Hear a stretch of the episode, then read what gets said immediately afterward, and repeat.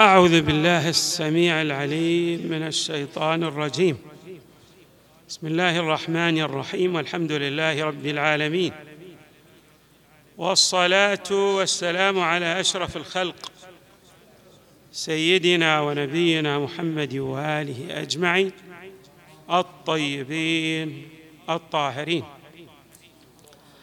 قال الله تعالى في القرآن الكريم إنما المؤمنون إخوة. فأصلحوا بين أخويكم واتقوا الله لعلكم ترحمون. صدق الله العلي العظيم. أرسى الإسلام الحنيف دعائم الأخوة فمنذ وطأت رجل النبي صلى الله عليه وآله المدينة المنورة بل قبل ذلك في مكة كان يحض تلك الثلة القليلة من المؤمنين على التلاحم والتراص والتعاون فيما بينهم لأن الإيمان يدعو إلى رص الصفوف يدعو إلى التعاون يدعو إلى الوئام والمحبة. والنبي صلى الله عليه وآله منذ أطل بأنواره على البشرية جعل المبادئ الخالدة هي التي تسود في المجتمع الإسلامي. فكان المجتمع القطيعه هي السائدة. فارسى الإسلام التواصل وكان التنابذ والابتعاد هو السائد والإسلام أرسى مبدأ السلام والتعاون وكانت الأخلاق السيئة أيضا هي السائدة وأرسى النبي صلى الله عليه وآله مكارم الأخلاق.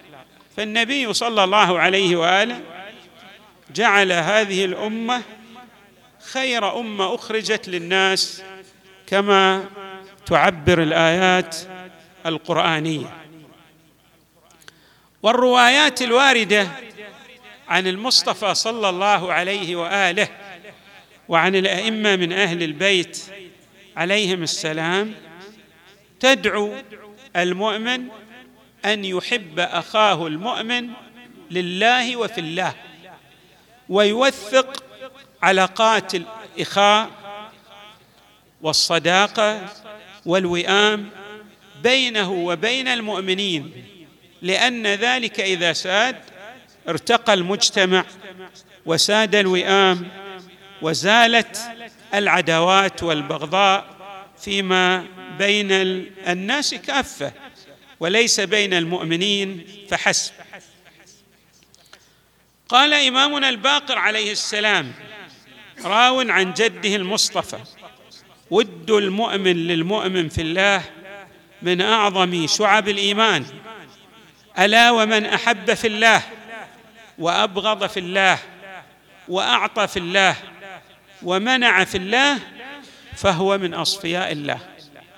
بمعنى أن هذه العلاقات لا بد أن تسود على وفق المبادئ الإسلامية على وفق ما يدعو الله تبارك وتعالى إليه وليس على أطر المصالح الضيقة. هذه المصالح الضيقة تتقطع تزول ولا يبقى إلا ما يوصلك مع الله تبارك وتعالى. قال إمامنا الصادق عليه السلام إن المتحابين في الله يوم القيامة على منابر من نور قد أضاء نور وجوههم ونور أجسادهم ونور منابر قد أضاء نور وجوههم. يعني جعل وجوههم تزداد نورا. وأضاء أيضا نور أجسادهم ونور منابرهم ونورهم أضاء كل شيء حتى يعرفوا فيقال هؤلاء المتحابون في الله. وروي أيضا عن إمامنا علي بن الحسين عليه السلام إذا جمع الله عز وجل الأولين والآخرين. قام مناد ينادي بصوت يسمع الناس فيقول أين المتحابون في الله؟ ما معنى المتحاب في الله؟ يعني الذي يسير على وفق المبادئ الشرعية. لا يريد أن يعمل إلا على وفق القانون الإلهي. هذا متحاب في الله. لأنه يسير على الصراط المستقيم الذي شرعه الله تبارك وتعالى. قال فيقوم عنق من الناس فئة كبيرة من الناس. فيقال لهم اذهبوا إلى الجنة بغير حساب. الله يعطي امتيازات في يوم القيامة لبعض الفئات من الناس. من أهم هذه الفئات التي يعطيها الله تبارك وتعالى هذا الامتياز أن لا يحاسب هذه الفئة على الأعمال التي صدرت منها من سيئات. ما هي هذه الفئة؟ التي تحاول جادة أن تسير على وفق ما يريده الحق تبارك وتعالى. ولهذا يضيف إمامنا الصادق يضيف إمامنا علي بن الحسين عليه السلام قال فتتلقاهم الملائكة. فيقولون إلى أين؟ فيجيب هؤلاء السائرون على الصراط السوي. فيجيبون قائلين إلى الجنة بغير حساب أي لا يحاسبهم الله على ما صدر منهم من هفوات ويغفر لهم الذنوب التي أتوها. فتقول لهم الملائكة أو بعض الناس فأي ضرب أنتم يعني أي قسم أنتم من الناس؟ فيجيب هؤلاء الذين يعطون بهذه الميزة العظيمة نحن المتحابون في الله. المتحابون في الله بين قوسين أي السائرون على وفق ما يريده الله تبارك وتعالى. أيضا يسألون فيقال لهم واي شيء كانت أعمالكم؟ فيجيب هؤلاء أصحاب الامتياز كنا نحب في الله ونبغض في الله. فيقول لهم الملائكة نعم أجر العاملين. أي هذه الميزة هذه الخصيصة هذه الكرامة من عند الله تبارك وتعالى. أي كرامة؟ إنسان لا يفتح له ديوان لا يرى الخلائق ما صدر منه من ذنب في هذه الحياة الدنيا. يعني يصبح كأنه من الأنبياء والرسل. لا يفتح له ديوان لا يحاسب يدخل الجنة بغير حساب. نعم. ولهذا النبي صلى الله عليه وآله يؤكد على بعض المعاني التي ينبغي أن تتوافر في المؤمن الحق. ما هو المؤمن الحق؟ لا يكفي أن يتشهد بالشهادتين كلقلقة لسان. هذا غير كافي. هذا يدخله في دائرة الإسلام فحسب. ولكن الإيمان هو أرقى من ذلك بكثير. يقول النبي صلى الله عليه وآله المؤمن من أمنه الناس على أموالهم ودمائهم لا بد أن يكون هناك أمن. المؤمن يأمن المؤمن لا يخدعه. في المعاملات هذا دليل على انسلاخ الإيمان. من ذلك المخادع الذي يحاول أن يستولي على أموال غيره أو أن يغش غيره.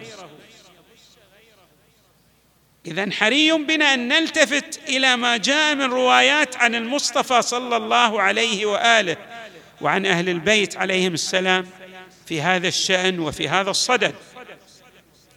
المؤمن من أمنه الناس على أموالهم ودمائهم والمسلم أيضا حتى المسلم. لا بد أن تتوافر فيه بعض الأمور. يقول النبي صلى الله عليه وآله والمسلم من سلم المسلمون من يده ولسانه. أما أنه يقول الشهادتين بلقلقة لسانه ولكنه أيضا بسيفه يتعدى على الناس ويحاول ماذا؟ أن ينسلخ من عرى ما يدعوه إليه الإسلام فذلك مؤمن بالهوية ليس إلا ذلك مسلم بالهوية ليس إلا. ولهذا أيضا يعطي النبي صلى الله عليه وآله معنى إضافي حتى للمهاجر. يقول ليس المهاجر فقط من هاجر مع رسول الله أو المهاجر من هجر دار الكفر إلى دار الإيمان والإسلام. المهاجر هو من هجر السيئات ترك الذنوب سار على وفق ما يريده الحق تبارك وتعالى. ولهذا يرى أنه في تعامله مع غيره من أطياف المسلمين والمؤمنين لا مزية له على غيره لكونه يسير فيها في جادة الصواب. لا يتنكب عن هذه الجادة لتحقيق مصالحه الضيقة أو لتحقيق مصالح الفئة التي ينتمي إليها أو المجموعة التي ينتمي إليها. بعض الناس مثلا ينتمي إلى عشيرة وهذه العشيرة له لها مصالح. فتراه يظلم غيره لمصلحة عشيرته أو يظلم غيره لمصلحة الشركاء معه في العمل أو في الوظيفة. وما إلى ذلك من الأطر الضيقة التي ينبغي للإنسان المؤمن أن يلتفت إليها في مساره التكامل الإيماني الذي يدعو الله تبارك وتعالى إليه ليكون من السائرين على جادة الصواب. النبي صلى الله عليه وآله في هذا الصدد يقول إن الله تبارك وتعالى قد أذهب بالإسلام نخوة الجاهلية. أذهب النخوة. وتفاخر الجاهلية بآبائها ألا إن الناس من آدم وآدم من تراب وأكرم الناس على الله أتقاهم لله. الكريم على الله هو السائر في جادة الصواب الملتزم بالقانون الإلهي الذي لا يخادع الناس ولا يغش الناس ويسير على وفق ما يريده الحق تبارك وتعالى. أما من تنكب هذه الجادة فكما جاء كما أن الله تبارك وتعالى يدعو إلى الوئام والوحدة والسير على الصراط السوي والمستقيم بقوله تعالى واعتصموا بحبل الله جميعا ولا تفرقوا واذكروا نعمة الله عليكم إذ كنتم أعداء فألف بين قلوبكم فأصبحتم بنعمته إخوانا وكنتم على شفا حفرة من النار فأنقذكم منها. الانسان أيضا ممكن أن يعيد نفسه إلى هذا المربع. أن يكون على شفا حفرة من النار بتعامله الفج بابتعاده عن شرع الله تبارك وتعالى بتطبيقه للأحكام التي تدعو إليها العصبية وتدعو إليها الأطر والمصالح الضيقة. وتتنافى متضادة مع ما يريده الشارع المقدس. نسأل الله تبارك وتعالى أن يجعلنا من السائرين على الصراط السوي الآخذين بهدي المصطفى صلى الله عليه وآله وآله البرر الميامين وأن نكون معهم في الدنيا والآخرة. والحمد لله رب العالمين وصلى الله وسلم وزاد وبارك على سيدنا ونبينا محمد وآله أجمعين الطيبين الطاهرين.